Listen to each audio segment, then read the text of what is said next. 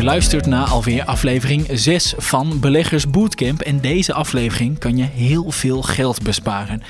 We gaan het namelijk hebben over de 9 grootste beginnersfouten op de beurs. En daarmee hopen we ja, een stukje bewustwording te creëren, zodat jij die fouten niet ook hoeft te maken. Wie zijn we? Ik ben Koen Gutters, redacteur bij IEX en voor mij staat niemand minder dan aandelenanalist Niels Koerts. Nou, Niels. dankjewel weer voor de uitnodiging. Hè? Ja. Vaste gast. Ja, dus vond je het een mooie introductie zo? Ja, dat eh, waardeer ik zeer. Eh, dat dacht ik. Daarnaast wordt deze podcast gesponsord door ABN AMRO. Daar wil ik dan ook direct even bij zeggen dat alle beleggingen die door ons, dus Koen en Niels, in deze podcast worden benoemd, niet vanuit ABN AMRO komen. De beleggingsmogelijkheden en beleggingsadviezen zijn dus niet van ABN AMRO, maar van onszelf. Niels, ehm, ja, we gaan de, de grootste beleggersfouten bij beginners langs. Eh, hoe graag had jij dit aan het begin van je, beleggings, eh, van je beleggingscarrière willen horen allemaal? Nou, dat had mij wel wat geld bespaard. Ja, denk je? eh, ik was natuurlijk vroeg begonnen, maar ik denk dat ik nou de eerste 15 jaar van mijn beleggingscarrière wel behoorlijk wat blunders heb begaan. Gaan we die ook horen vandaag? Eh, ik zal uiteraard met een aantal praktijkvoorbeelden komen, zeker. Ik denk dat dat het wel eh, extra leuk maakt. Dus eh, nee, zeker ook ik. Ik denk dat ik ze zo'n beetje allemaal wel heb gemaakt. Dus Ja, ja. Laat, laten we direct bij de, bij de eerste beginnen. Als eerste op mijn lijstje staat zelfoverschatting. En nou ja, als ik aan iemand denk met te veel zelfvertrouwen, dan... ben jij ja, zelf? Nee, Of, nee, eh, nee, dan oh. kom ik toch bij jou uit. Want Oh. ja, de mensen die luisteren weten dit natuurlijk niet, maar...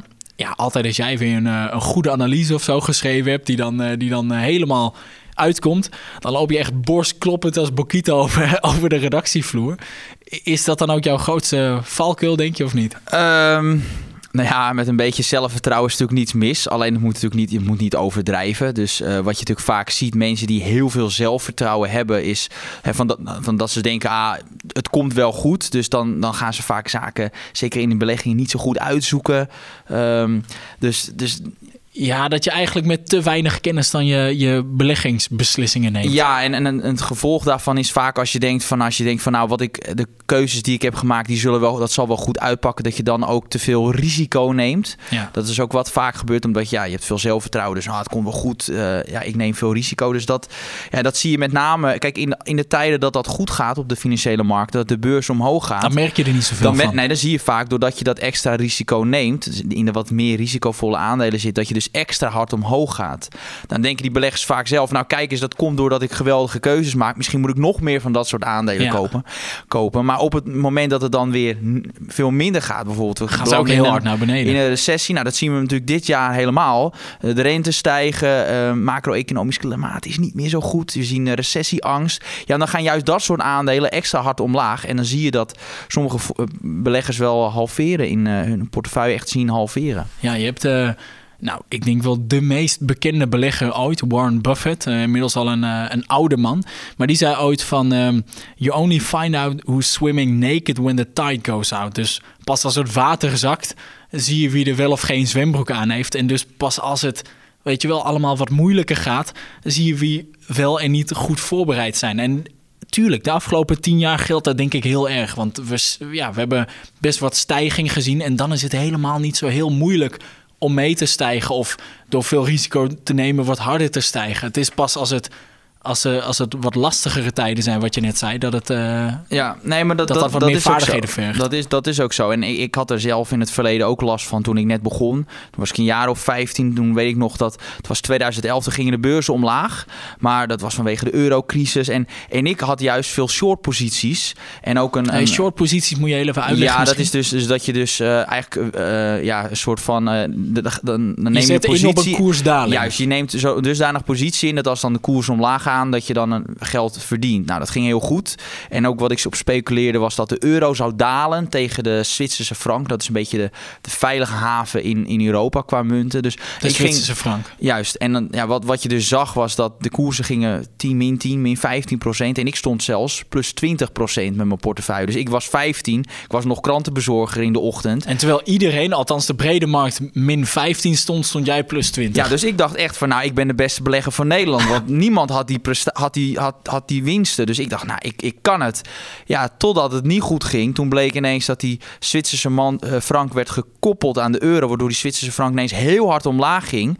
Ja, toen was ik ook meteen 20% van mijn uh, van mijn hele portefeuille kwijt. Dus die hele winst was gewoon in één, eigenlijk in één koerstik. In één seconde was dat volledig verdampt. En stond ik weer met beide benen op de grond. Hoe, hoe reageerde jij toen? Nou, ik had een beetje de struisvogelpolitiek. ik Want ik, waar dit naartoe gaat. Ik, belegde ook een deel van het geld voor mijn vader. was dan voor hem niet zo heel veel, maar dat wist ik op dat moment niet. Want ik moest natuurlijk ook gaan uitleggen dat we ineens al onze winst in één dag waren kwijtgeraakt. En ik heb daar drie weken mee gewacht. En, en nou, misschien kan ik beter vragen, hoe reageerde je vader erop? Nou, hij was heel nuchter en hij zei van, ja, ja het is in ieder geval uh, goed dat je je fout overziet. Hè. Je hebt het blijkbaar te veel risico genomen. En ik hoop vooral dat het in, in de toekomst, uh, ja, dat je hiervan leert voor in de toekomst. Dus, uh, heb, je, heb je dat ook gedaan? Uh, zoiets geks heb ik daarna niet eerder gedaan. Nee. Dus, dus ik heb daarna nog wel wat geld verloren aan turbo's, weet ik nog. Maar, uh, uh, maar verder heb ik dat soort gekkigheid niet meer uitgehaald. Dat ik echt zo'n groot deel in een heel risicovol product heb belegd. Nee. Nee, oké. we hebben de. Ja, we zijn negen, negen beginnersfouten gaan we af. Dus we moeten even door. Um, er staat hier asymmetrische verliesaversie. Dat is, dat is ook een veelgemaakte beginnersfout. Maar ja, die zal je toch even moeten uitleggen, denk ik. Ja, nou, wat het een beetje is, is dat het, het, dat blijkt ook allerlei onderzoeken dat het verlies ongeveer, het verlies 2 à 2,5 keer zo intens aanvoelt dan winst. Dus het is eigenlijk heel simpel. Een, een verlies van 10% in je portefeuille voelt qua intensiteit net zo zwaar aan als een winst van 25, 20 tot 25 procent. Oftewel, dat, dat, kan ik me wel voorstellen. Verliezen doen gewoon veel meer pijn dan, dan, dan eigenlijk dan, dan de, vreugde, die, de vreugde die je hebt van een, van een winst. Hoe kan dat? Nou, nou, dat stamt eigenlijk nog een beetje uit de, de tijd van de jagers en verzamelaars. En in die tijd uh, waren wij heel erg gefocust op bedreigingen. Dus uh, en dat hebben we een beetje, uh, ja, toch een beetje, hè, want in die tijd moest je natuurlijk uh, goed ja, voor je eigen veiligheid, ja. dat er geen ja, wilde beesten waren. En die moest heel erg goed, ja, het, iedere dag was je bezig met voldoende voedsel. Dus je was vooral bezig met bedreigingen. En dat is ook een van de redenen waarom wij in ons brein nog steeds echt gefocust zijn op die bedreigingen. Dus ook een van de redenen waarom, als je krantenkoppen leest, ja, meestal is dat, gaat het over slecht nieuws, omdat we dat juist gaan lezen. het is commercieel aantrekkelijker. Ik bedoel, ik heb in het verleden ooit wel eens een keer eh, twee artikelen op hetzelfde moment uh, geschreven. Eén artikel, uh, vijf redenen waarom de beurs hard kan stijgen. En vijf redenen waarom de beurs hard kan dalen. En op dezelfde dag, op dezelfde tijdstip gepubliceerd. En het artikel waarin juist uh, werd beschreven die vijf redenen waarom de koersen konden zakken. Ja, dat veel werd vaker veel vaker gelezen. Dus ja, dat blijkt uit ieder onderzoek en ook in de praktijk. Dus dat is. En dat, dat heeft natuurlijk consequenties. Als jij heel erg focust op, op bedreigingen, dat, heeft ook gevolgen voor jouw handelen als het gaat om, om beleggen. Bijvoorbeeld dat je verlieslatende aandelen te lang vasthoudt, omdat je dus geen verlies wil nemen. Dat... Ja, en, en het probleem daarbij is dat eh, tenminste, ik, ik heb dat bij mezelf ook wel, ook wel gemerkt. Doordat je dan uh, als, die, als zo'n aandeel in de min staat, dan doet dat zeer. Dan wil je het eigenlijk niet verkopen. Je wil het niet verkopen, want ja, dan, dan leidt je verlies. En winsten daarentegen, die neem je dan weer te snel. Ja. Omdat, omdat ja, je wil niet dat het nog weer omdraait naar een verlies. Dus, dus dan, maar snel je winst nemen. Juist, en dat is dus dat, en dat is, dat is niet goed. Want je moet altijd kijken naar de fundamentals van een aandeel. Oftewel, hoeveel winst maakt een bedrijf? Hoeveel ja, vrije cashflow, dat kijk ik dan als analist naar. Komt misschien een rare term, maar dat is waar ik, waar ik naar kijk. Van hoe verdient een bedrijf echt geld. Daar moet je kijken als, als belegger. En wat zijn, is het groeipotentieel? En niet zozeer naar hoeveel, hoeveel staat hij bij mij in de min in mijn portefeuille. Daar moet, daar moet je aankoop- of verkoopbeslissing absoluut niet van afhangen. Nee, en, en toch doen veel mensen dat. Want ja, wat ik net zei, eh, als je, als je dan dat verlies ziet, dan ja, dan verkoop je het niet omdat het in het rood staat, wat in principe een heel slecht argument is. Maar dan ondertussen kan zo'n koers bijvoorbeeld verder en verder en verder zakken. Wel Tot dan op een gegeven moment dat moment komt dat je denkt, eh, ja, nu is er geen weg meer terug. Dat, dat hebben we dus gezien in, in die crisis 2008, 2009. Toen, toen daalde de AX meer dan 50%. Hoge werkloosheid was er. Eh, huizen stonden onder water. En, en toen hadden mensen op een gegeven moment het gevoel van... Nou, dit komt nooit meer goed. En als dat het moment, een besef is bij mensen... het komt nooit meer goed... dan gaan ze ineens in paniek hun aandelen verkopen... om dan maar die pijn uh, te laten verdwijnen. En dat is natuurlijk een hele slechte raadgever. Dat is ook uh, een mooi bruggetje naar de derde uh, beginnersfout die veel mensen maken. Verkopen in paniek. Ja. Uh, ik denk ja, ik denk Heb jij dat dat wel eens gedaan? Ehm, nee, niet in paniek. Nee, niet een aandeel dat dan heel fors in de min stond, omdat het eh, eh, en, en dat ik het dan uit paniek ging verkopen. Ik moet daar wel bij zeggen, ik heb natuurlijk heel veel mazzel dat ik hier werk. Eh, want er zijn heel veel beginnersfouten die ik gewoon ja, niet maak, doordat mij dat is afgeraden, doordat, doordat ik mij dat, eh, eh, doordat ik daar eerder over gelezen en geleerd heb. Je hoort natuurlijk ook onze, onze op de redactie ook onze ervaringen, mijn ervaringen onder andere, want ja, dat is mij natuurlijk wel gebeurd. Ja. Hè? Nee, en, en ja, dat bedoel ik te zeggen. Dat is mij eigenlijk heel erg goed uitgekomen. Waardoor ik best veel van die fouten, als het goed is, niet zou moeten maken. Omdat ik het al van weet. Het is natuurlijk wel zo, jij hebt nog niet echt een beursperiode meegemaakt dat bijvoorbeeld de koersen halveren in een jaar. En dat gaat iedere generatie beleggers een keer meemaken. Het klinkt misschien raar van nou, halveren van je aandelenportefeuille. Maar in principe gaat iedere generatie beleggers dat een keer meemaken. Soms wel twee keer. Ja, Dus eh, ja maar daar, daar daar, beleg ik dan ook naar. Hè? Want ik zit eigenlijk niet zo heel erg in, in heel eh, risicovolle aandelen. Of heel erg eh, aandelen die heel erg bewegen. Wat ik nou al eerder in de eerdere podcastafleveringen verteld heb. Zit ik voor het grootste deel in ETF's. En dan weet ik gewoon, ik ga met de markt mee. Ja, maar dan kan je dus ook halveren. dan Want kan je ook niet dat de halveren, maar AEX dan- ging bijvoorbeeld in die financiële crisis in 2008, 2009 ook gewoon meer dan 50% omlaag. geloof wel 60%. En in de, het jaar 2000 was het natuurlijk nog weer dramatischer. Dus Nee, maar ik denk zolang het met de markt, eh, met de markt meegaat en dat ik niet twee keer zo hard daal als de markt, denk ik dat ik dat ah, vol zou moeten kunnen houden. Ehm, Maar dit is mij dus wel ja, gebeurd. dus dat ik bijvoorbeeld met, met een bepaald aandeel... dat ik weet nog Facebook eh, in, ik geloof tien jaar geleden dat het was... dat ze hadden een bepaald hele, naar mijn mening, slechte cijfers... En ik zat destijds had, zat ik bij Links. Dat dus was eh, een, destijds een innovatieve broker dat je ook voorbeurs in Amerika kon handelen. En ik zag die cijfers. Ik dacht, nou, dit is helemaal niks. Koersreactie, voorbeurshandel ook min 10%. Dus toen had ik verkocht op die min 10%. Maar uiteindelijk, toen ging het handelen. Toen opende het min 2 en toen ging het al het plus in. En het eindigde uiteindelijk meer dan 20% in de plus dat aandeel. Nou, dan voel min je, 10 verkocht. dan, nou ja, dat is gewoon 30% wat je verliest. Nou, toen dacht ik wel van... Dan voel je echt slecht. Dan voel je gewoon echt een loser. Dat, dat, dat had ik op dat moment. Dat ik echt dacht van, ja, wat ben ik nou in hemel... Wat heb ik in hemelsnaam gedaan? En achteraf weet ik hoe slecht die beslissing was. Omdat ik had niet eens het cijferrapport. Ik had niet eens de cijfers echt, echt goed ingezien. Ik was gewoon afgegaan op de headlines in de media. Geeft Ja, ook dat aan is- dat je gewoon altijd wel goed, eh, zeg maar bij individuele aandelen, ja bij ETF's ook hoor, maar vooral bij individuele aandelen die, die toch nog wat meer risico met zich meedragen, dat je goed je inleest en je verdiept in het bedrijf voordat je dat eh, Ja, koopt absoluut. of verkoopt. Absoluut. En dat, dat, dat deed ik destijds dus niet. Is, is trouwens dat verkopen in paniek, is dat eigenlijk iets ehm, van vooral particulieren of hebben ook professionals daar een handje van? Nou, professionals zullen dat misschien ook wel hebben, alleen die zijn meer gebonden aan bepaalde regels. En omdat zij eh, aan bepaalde regels zijn gebonden. Wat voor kunnen- regels dan? Nou, bijvoorbeeld dat, eh, dat een x percentage van de portefeuille moet aandelen zijn, x percentage obligaties. Dus zij zullen niet zo snel geneigd zijn om hun hele aandelenportefeuille te verkopen in paniek, omdat dat niet eens mag. Oh ja.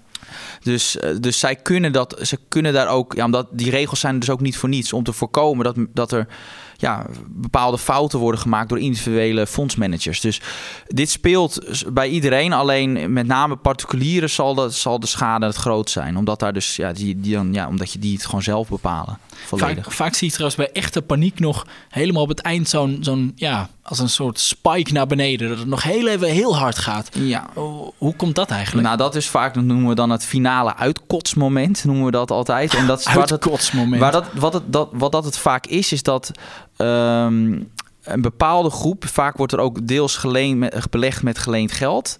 En vaak is die laatste groep die dan bijvoorbeeld zo'n zo, zogenaamde margin call krijgt. Dus dat ze hun verplicht hun aandelen moeten verkopen om dan die schuld af te lossen. Misschien, hè, ze willen dan misschien niet verkopen, maar het moet gewoon, wordt gewoon verplicht door de bank of broker. Dat dat dan net het laatste verkoopdruk is die er dan uh, komt. En dat dat de reden is uh, wat dan een beetje de bodem is. Alleen het is vaak, het eindigt vaak met een spike naar beneden. Maar het is natuurlijk niet gezegd dat als je een spike naar beneden ziet, dat dat, dan ook automatisch de bodem is. Dus vaak is het wel een bodemsignaal uiteindelijk.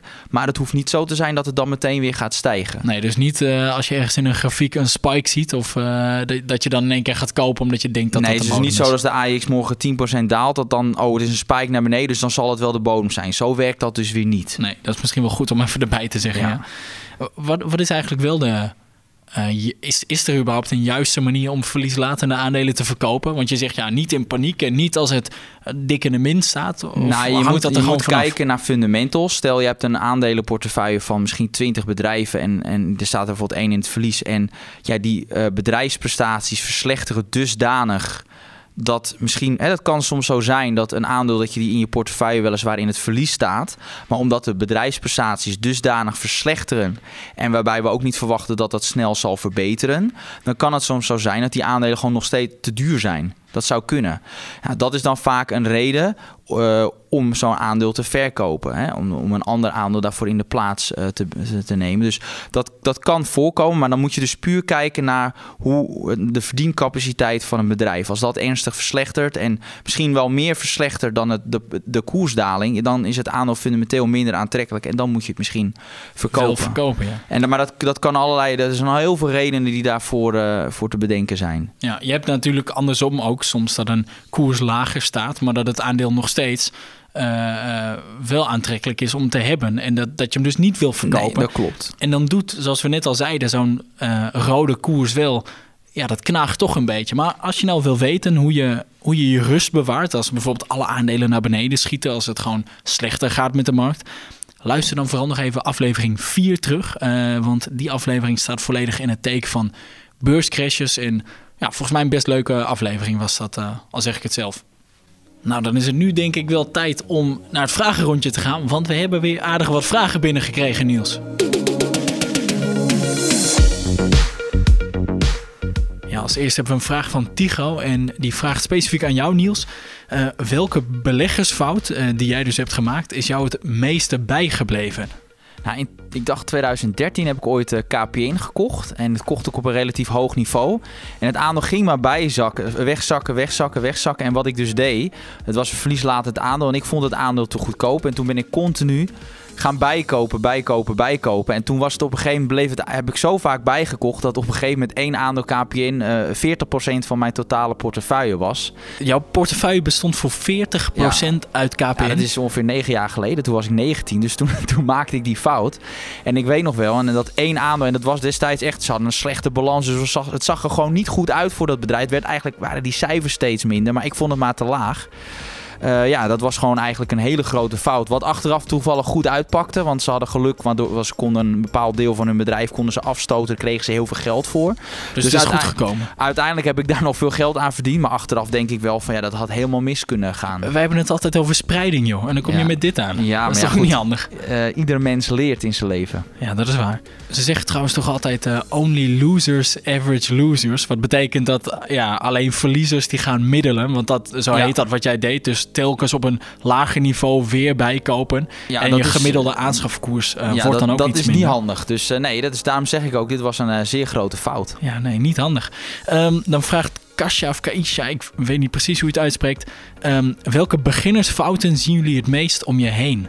En ik denk, wat, wat ik wel nog regelmatig zie, is dat mensen ook gewoon een, uh, een veel te korte horizon hebben. Dat mensen het echt hebben over nou, ik zit in dit en dit aandeel of deze in de ETF. En na een week of na een maand zeggen ze, nou, uh, het staat lager of er is nog niks gebeurd of zo. Wanneer, wanneer, wanneer komt het herstel? Komt het nog wel goed? Ja. Uh, dat is iets wat wij ook vaak zien. Ook, ja, ik schrijf uiteraard voor, voor premium. En dan zie ik ook best wel veel mensen die dan onze analyse, analyses, onze tips volgen. En soms dan, ja, dan na, soms dan na een half jaar, dan komt het er nog niet uit. Maar dat is een half jaar, is een hele korte periode. Maar wat wij dan vaak zien in de frustratie van sommige mensen, dat er voor hun juist een hele lange periode is. Maar je moet toch altijd even wat verder kijken dan een paar kwartalen. Ja, beleggen doe je echt over meerdere jaren. Ja. En niet over, niet, dat gaat niet over een week, niet over een maand. Dat is een beetje, een, eh, een collega van ons kwam een keer met die, met die metafoor. Dat is een beetje alsof je op dieet gaat en na een uur begin je te roepen van nou... Uh, ik ben nog een kilo lichter, joh. Ja, zo werkt het gewoon niet. Nee. Dan hebben we tot slot nog Daan en die vraagt... welk aandeel, op welk aandeel zijn jullie het meeste geld verloren? En nu ben ik eigenlijk helemaal no- nooit zo heel veel geld verloren op een aandeel. Maar jij volgens mij wel, Niels. Ik beleg al wat langer, dus ik heb al, al wel eens wat geld eh, verloren. Ehm, ja, als ik echt moet kijken welk aandeel, dan moet ik echt in mijn geheugen gra- graven. Dan denk ik beter bed. Ik, dat is meer omdat ik die ooit voor 22 euro kocht. En ik geloof na twee jaar ging die eh, omlaag naar eh 5 euro toen ik ze verkocht. Dus dat is zo'n echt wel heel veel eraf. En ook in die Dat is periode. pijnlijk, ja. Dat was 2015. Ja, ik leerde toen nog steeds niet van mijn fout. Had ik een paar keer bijgekocht. Dus eh, toen was ik veel kwijtgeraakt.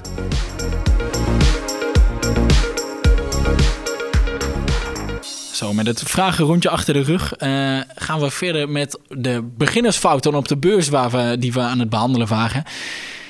Eh kuddegedrag, dat is er ook zo een. Hè? Ehm, is iets dat veel voorkomt en ik denk dat, ja, ik denk dat het vooral ook wel onder beginners een veelgemaakte fout is. Eh, ja, soms ook wel bij ervaren beleggers hoor. Die dan misschien. is dat zo, ja? Ja, je hebt ook gewoon ervaren beleggers die niet leren van hun fouten. Die kunnen Eh, daar nog steeds in meegaan hoor. Ja, ik zie het nog steeds. Ja, maar ik denk, ik, ik denk uit de eh, recente geschiedenis is het bekendste voorbeeld wel... eh, ja, dat waren die meme-aandelen van eh, begin 2021. Zo hadden we GameStop, een bedrijf dat... Ja, fundamenteel sloeg het werkelijk waar nergens op. Het, had, het, het was niet dat het bedrijf goed liep of zo. Maar en, volgens mij koerste het rond de... Nou, wat zal het zijn? 10 dollar of zo. En op Reddit begon dat, dat mensen dat... omhoog gingen praten en op gingen hypen. En dat begon een beetje te stijgen. En die stijging zorgde ervoor dat daar nog meer mensen in gingen stappen. Want die dachten, oeh, hier wil ik ook van meegenieten.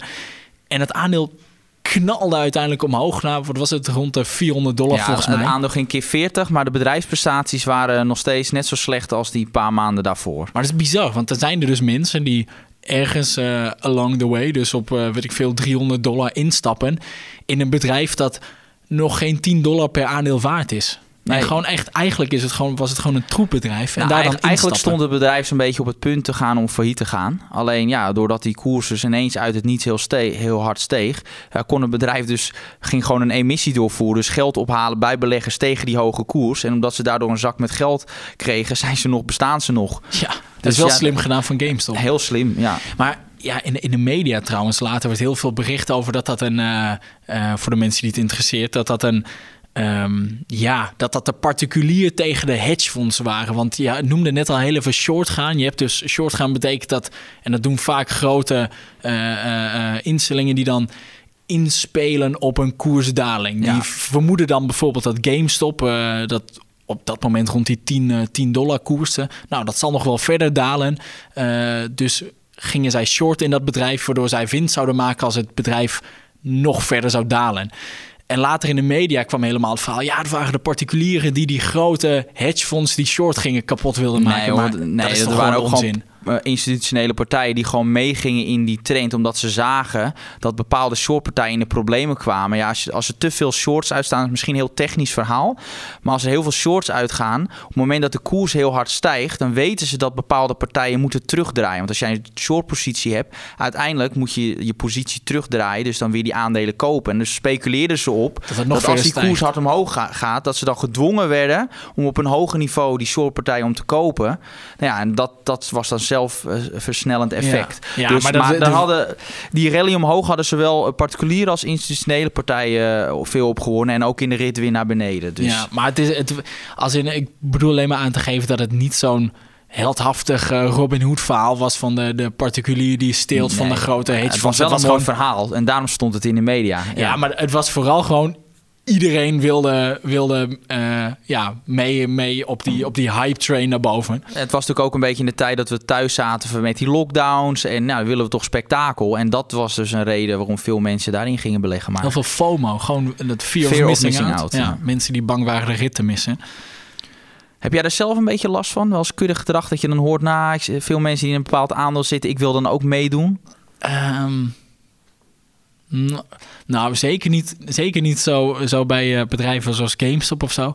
Ja, soms bij bedrijven waar ik dan al over twijfel om misschien daar ook aandelen van te kopen. En dat als heel veel mensen om me heen, bijvoorbeeld op de redactie of zo, het dan vaak over hebben. Dat ik denk, ja, misschien moet ik dat toch maar doen. Ja, wij hebben er ook verstand van natuurlijk. Hè? Ja, dat, nou ja dat, uh, dat, dat is dan inderdaad ook nog wel iets dat meespeelt. Dus daar kan ik iets meer van aannemen dan gewoon uh, Jan en alle mannen op het internet. Ja, zelf eerlijk gezegd eh, ben ik juist vrij precies tegen draadser in. Ik ben juist helemaal niet iemand een kuddedier. Zoals de hele meute naar, naar links gaat, dan wil ik graag naar rechts. Mooi voorbeeld, dat was ook op de middelbare school.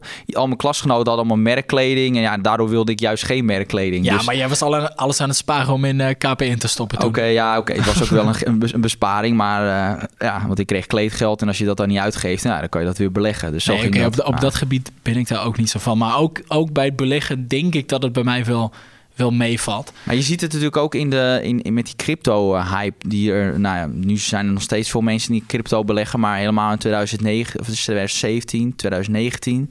Toen alles veel omhoog toen ging. hard omhoog ging. Dat je toch ziet dat veel mensen daarin willen beleggen. En niet zozeer uh, ja, gewoon om, om gewoon mee te doen. Want die koers hard omhoog gaat. Terwijl ja, fundament, fundamentals van een bitcoin. Ja, je belegt gewoon in een digitale munt. Wat geen winst maakt voor jou. Nou, dat is met aandelen natuurlijk heel anders.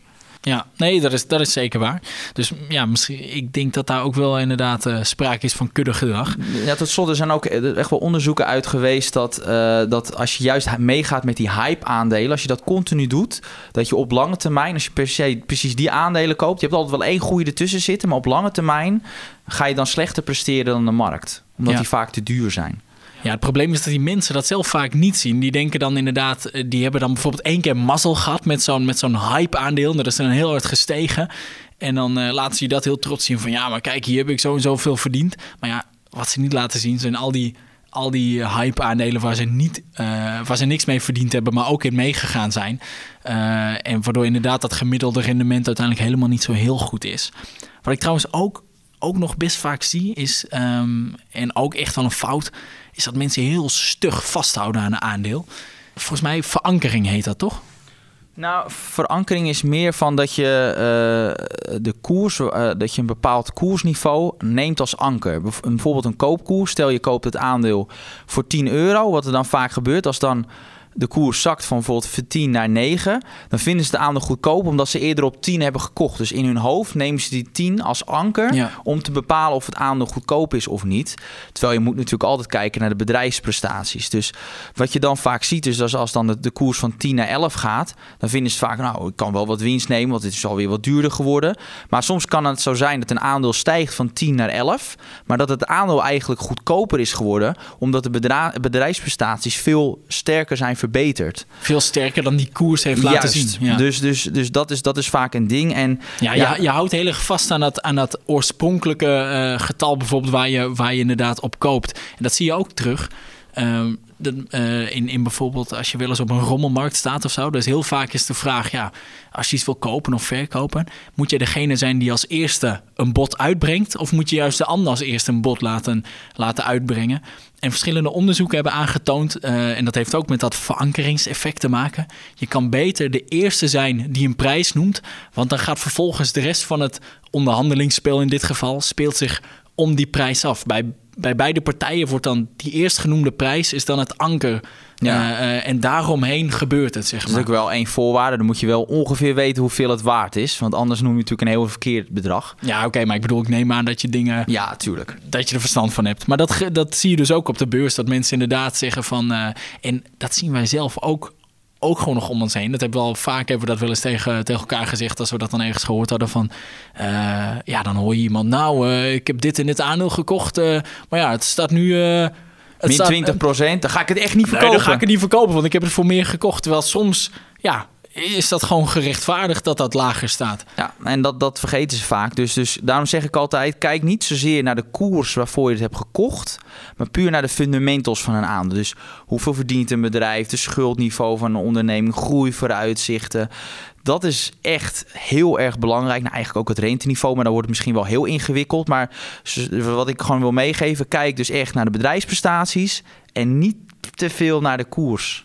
Ja, wat trouwens, die koers brengt nog een, uh, een probleem met zich mee. Althans, een, een veelgema veelgemaakte fout. Um, en dat is dat mensen vaak, als ze dan naar een aandeel kijken en ze kijken naar een koers, dan gaan ze een beetje op zoek naar patronen en trends in die koers. Van, nou, uh, ik zie dat het hier weer een beetje begint te stijgen, dus het zal wel verder stijgen. dat is ook niet, ook niet helemaal juist om te doen. Nee, ja, dat is dus ook heel gak. ge- eh.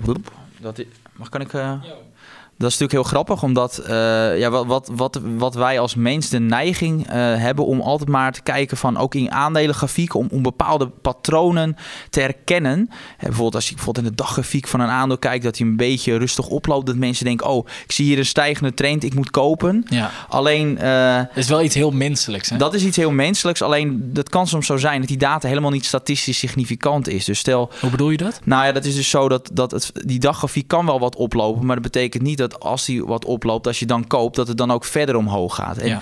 daar zijn ook in het verleden is daar, zijn daar een aantal eh, hele interessante onderzoeken over geweest. En het bekendste onderzoek, dat is een onderzoek van Kahneman en Tversky uit 1973. Dan denk je, dat is heel Tijdje ver terug. geleden, maar ongelooflijk eh, relevant ook eh, op dit moment. Dat heet de advocaten versus de ingenieurs, oftewel de lawyers versus de engineers. En dat, wat deden zij nou? Zij deden een, een steekproef. En daarin, in die, dat was een steekproef van eh 100 mensen. En in die 100 mensen zaten 70 advocaten. Dus eigenlijk een soort van, zie het als een grabbelton. Met daarin 70 van 100 mensen, waarvan 70 advocaten en 30 ingenieurs. en dan had Dus je... de kans is groter op een advocaat. Ja, dan mochten eh, twee verschillende groepen met mensen. Dan had je groep 1, groep A. Die eh, moest gewoon zonder informatie over die mensen in de bak.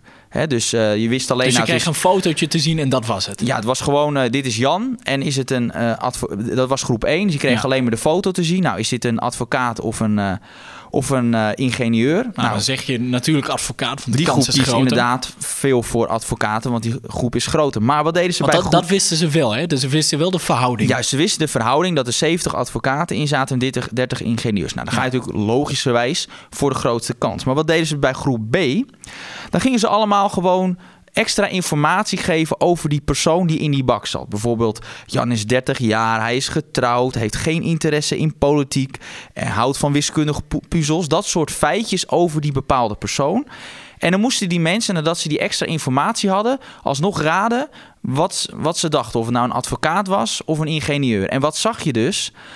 Dat die groep B met die extra informatie vaker ernaast zat dan groep A die die informatie niet had. Omdat B die ging toch schatting maken van nou, deze persoon heeft geen interesse in politiek. Nou, dan zal het waarschijnlijk geen advocaat zijn, Ja, ja, maar een ja. ingenieur. Dus dan gaan ze dan toch op hun eigen nou, zogenaamde instinct voor die andere, voor die kleinere kans. Maar Dus- eigenlijk zei die informatie die ze kregen, zei eigenlijk niets over, die, over het beroep van die, van die Klopt, persoon. het zei wel iets over die persoon, maar niets over het, over het beroep van diegene. Dus ja, dan gingen mensen dus echt eh, nou, op basis van hun onderbuikgevoelens eh, keuzes maken. En toch vaker voor, toch kiezen af toe, nou, dit zal wel een ingenieur zijn. Terwijl dat dus, ja, de grotere kans is dat het niet het geval is. Dus de scoorde groep B met die extra informatie slechter dan A. Terwijl A helemaal niets wist. A wist niks. Ja, dan ga je dus voor. door. Dat is dus, het, dat is dus het ding dat wij dus altijd maar op zoek zijn naar bepaalde informatie. Eh, ja, En dan- soms is het er gewoon niet. Nee. Of zegt het gewoon niks over dat het is, bedrijf. Dat is, dat is het dus. En een ander voorbeeld, eh, bijvoorbeeld een mooi voorbeeld is dat bij een bijvoorbeeld eh, vermogensbeheerder, dat mensen kijken naar de, de koersprestatie, het fondsprestatie van de afgelopen drie jaar. Nou, dat zegt hè, van nou, die heeft de afgelopen drie jaar beter gedaan dan de markt. Dat moet wel een goede fonds, eh, ja, fonds ja, ja, eh, goede, goed fonds zijn. Maar wat één, wat je niet weet, misschien is die eh, fondsmanager na drie jaar wel, na 2,5 jaar weggegaan. Ah, En nummer twee, de koersprestatie over drie jaar zegt dat is niet heel helemaal toch? niets. We, Want, we hadden toch laatst nog het, het voorbeeld van die beursgorilla Jacko, is dat? ja, En die, ehm, dat is best, best wel een leuk voorbeeld om dit ook even eh, aan, aan te stippen, zeg maar. Want die gorilla die pakt dus elke maand een, eh, uit een grote schaal met bananen. En op al die bananen is dan een aandeel geschreven. En hij heeft eh, twee schalen. Eentje met zijn huidige portefeuille, waar 10 aandelen in zitten. En eentje, één schaal met, met 75 bananen, waar al de, de rest van de Nederlandse aandelen ja in zitten. AX, AMIX en ACX fondsen. Ja, inderdaad. En hij kiest telkens willekeurig één banaan elke maand. En eh, dat aandeel verkoopt hij uit zijn portefeuille. En één eh, banaan uit de andere mand. En dat aandeel koopt hij. Dat is dus complete willekeur. Maar die aap doet het de afgelopen 23 j- eh, jaar. Heeft hij het 17 keer heeft hij de AEX verslagen. Dat is echt bizar. En Ja. dat is wel een heel extreem voorbeeld. Het is echt zo. Het is wel een heel extreem voorbeeld van eh, toeval. Want dat, dat is het in dit geval gewoon geluk. Toeval heeft verder ja, is daar geen... Ja, het, het, zegt natuurlijk niks. Het feit dat hij, dat hij het zoveel beter heeft gedaan de afgelopen 20 jaar... zegt natuurlijk niets dat hij het volgend jaar ook beter gaat doen. Dat is het dus. Want dat, dat is dus de fout die mensen maken. En ook hierbij bij die patronen en trends zien. We hebben daar voor IX een keer ook uh, over geschreven. Over die beursgorilla. Er is een hele site naar die beursgorilla ook heet letterlijk beursgorilla.nl. En we hebben nog wel eens de vraag gekregen van mensen: uh, ja, kan ik die aap ergens volgen? Kan ik, uh, kan ik mijn portefeuille precies zo doen als hij? En dat is bizar, want het is pure willekeur. En, en, tuurlijk, dat hij 17 van de 23 jaar die AX verslagen heeft, is, is uh, heel toevallig en heel knap. Maar het zegt precies niks over volgend jaar. Nee. En, en dat, is dus, dat is dus ook een verkeerd en, patroon. En, dat, en dat is bijvoorbeeld ook met, met, met bepaalde fondsmanagers. Dat weet ik ook. Uh, voor de coronapandemie was er ook een bepaald uh, ja, beleg hedge fund. Die, uh, nou, die had ook een bepaalde strategie. En dat ging in de tijd dat de beurs omhoog ging, ging dat heel goed. Hij had ook bepaalde hefboomproducten. Dus die deed het altijd ieder jaar zo'n beetje beter dan de markt. Dus mensen gingen daarin beleggen. Omdat ze dachten, nou, die moet wel heel goed zijn. Want dat doet het continu beter. Ja, totdat ineens de coronacrisis kwam. De AX zakte geloof ik in één maand 30% weg. En toen ging alles dusdanig mis dat hij dus overal werd uitgestopt. En die mensen verloren gewoon 95% van hun inleg. Dus toen was alles weg. Dus daarom wil, wil ik zeggen van ja, kijk dus wel even wat verder dan alleen naar de prestatie van een fondsmanager van de afgelopen paar jaar. Dus het, iemand moet eigenlijk over een gehele economische cyclus en dan toch wel tenminste 15, 20 jaar beter over, over die periode aantoonbaar beter presteren dan de markt. Zoals de beursgorilla. Juist, en, en, ja, maar dan ook als je kijkt naar totaalrendement in verhouding ook tot het risico dat hij neemt. Ja, okay. En op basis daarvan kan je wel enkele conclusies trekken, maar um, ja, dat, het blijft, dat blijft gewoon uh, vrij lastig. Dus uh, ja, voor mezelf ook, ik maak ook mijn eigen overzicht van mijn eigen prestaties. Nou, dat werk ik bij vanaf 2015. Nou, dan denk je in zeven jaar heb ik een mooie outperformance. Maar ik weet ook wel dat dat nog niks zegt over de toekomst. Ik wil dan eerst een veel langere periode hebben dat ik het beter doe. Dan kan ik echt zeggen, ik ben beter dan de markt. Ja. Ja, Niels, we gaan, uh, we gaan snel verder.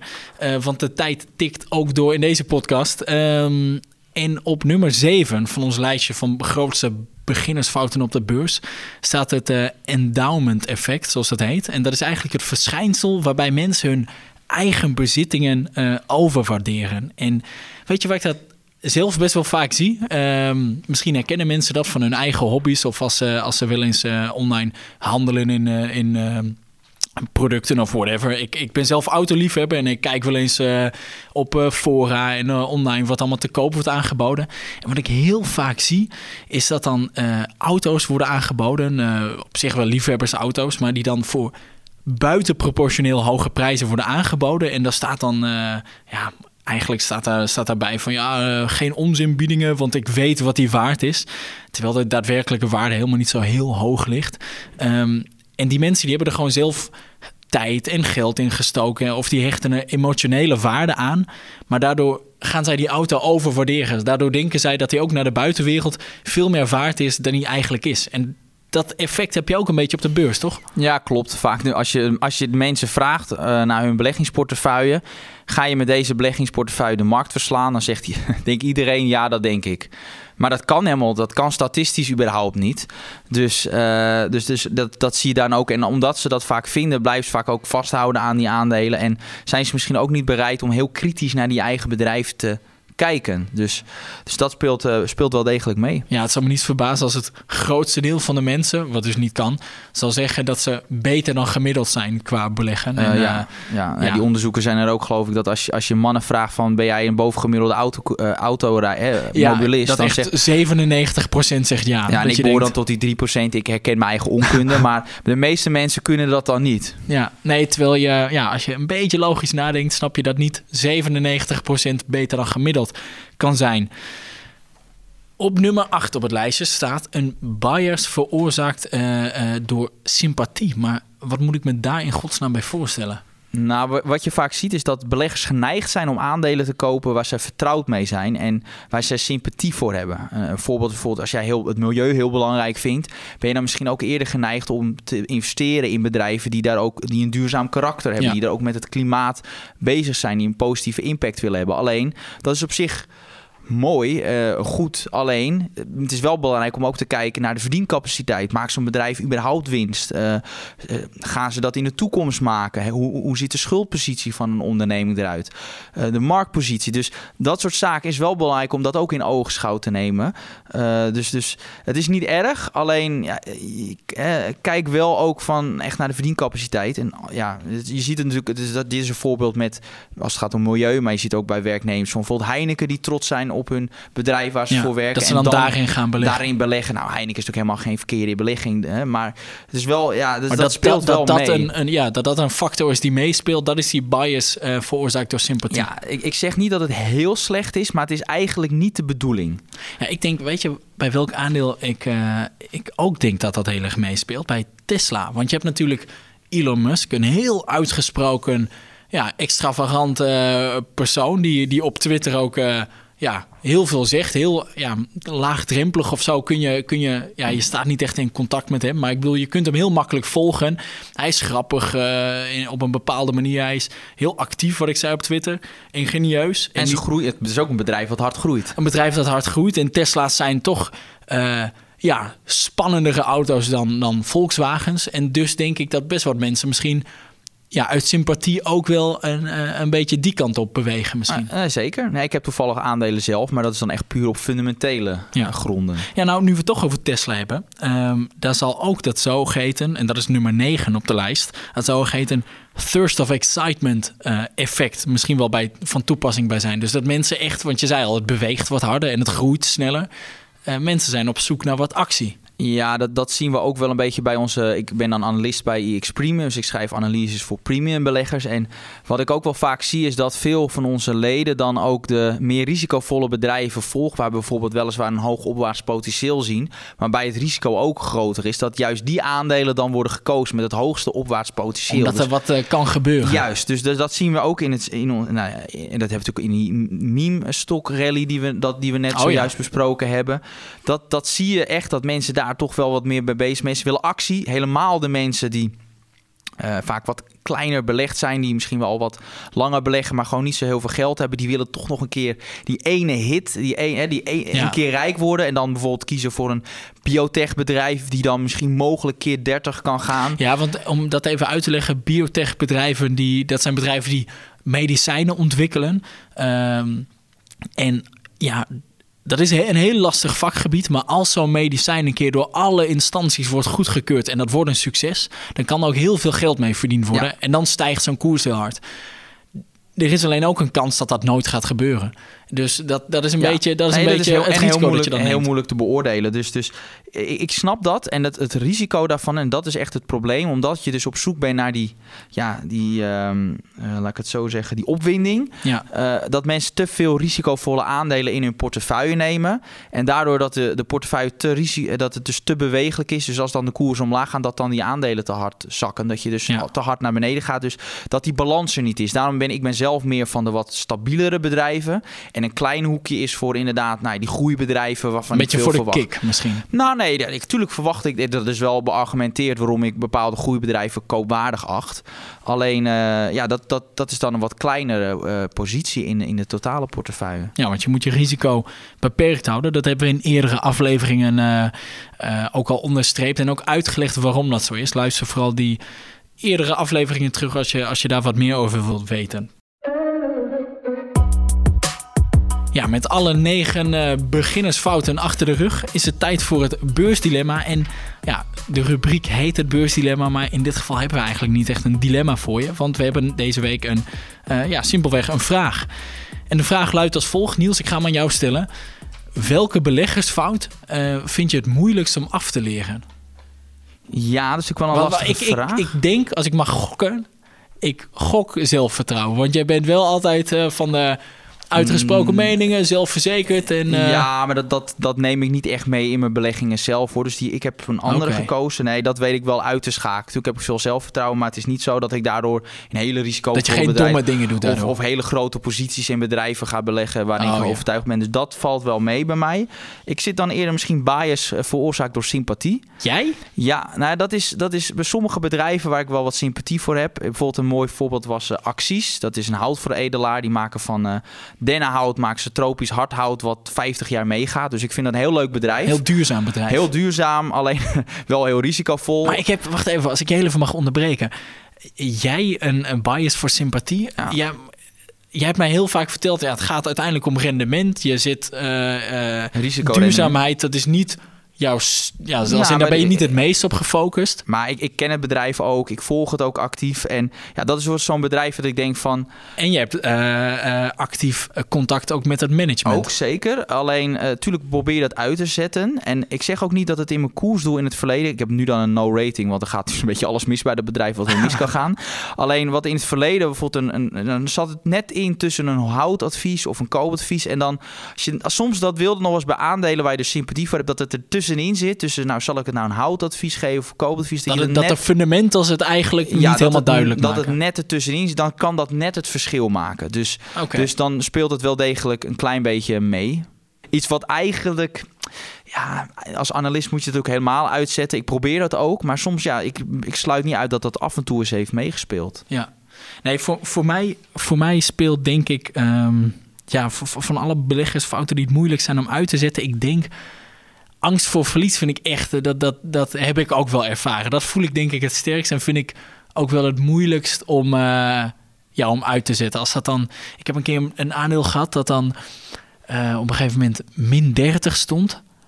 Nou, ik vond het verschrikkelijk. En uiteindelijk toen dat dan toen het weer enigszins terugkwam. En, want die min 30, dat was fundamenteel, was dat ook niet eh, juist. Dan, anders had ik wellicht dan wel verkocht. Maar in dit geval kwam die terug naar eh, ongeveer de prijs waarvoor ik het gekocht heb. En ja, toen, toen heb ik dat verkocht. Terwijl eigenlijk was het, was het een prima bedrijf om te, om te houden. En is dat, dat, misschien eh, ook wel een van de redenen waarom je meer voor ETF's kiest in plaats van individuele aandelen? Ja, dat denk ik wel. Dat denk ik wel. Want dan ben ik. Ik bedoel, ik ben nergens van verzekerd dan hoor. Alleen dan groei ik gewoon met de markt mee. En dan heb ik niet dat ja, ik een foute keuze of zo heb gemaakt.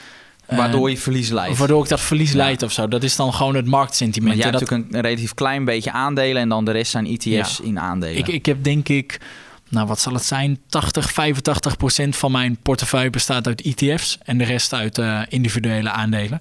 ja, en voor mij is het eigenlijk alleen maar aandelen. Nou, laat vooral thuis ook weten eh, eh, ja, Welke Wel- fout- wel- ja, welke fout jij het lastigst vindt om uit te schakelen of welke je gemaakt hebt. Deel ook de fouten als je dat durft, eh, de fouten die je in het verleden gemaakt hebt. Want het is altijd wel ja, interessant, zal ik maar zeggen, om naar te luisteren.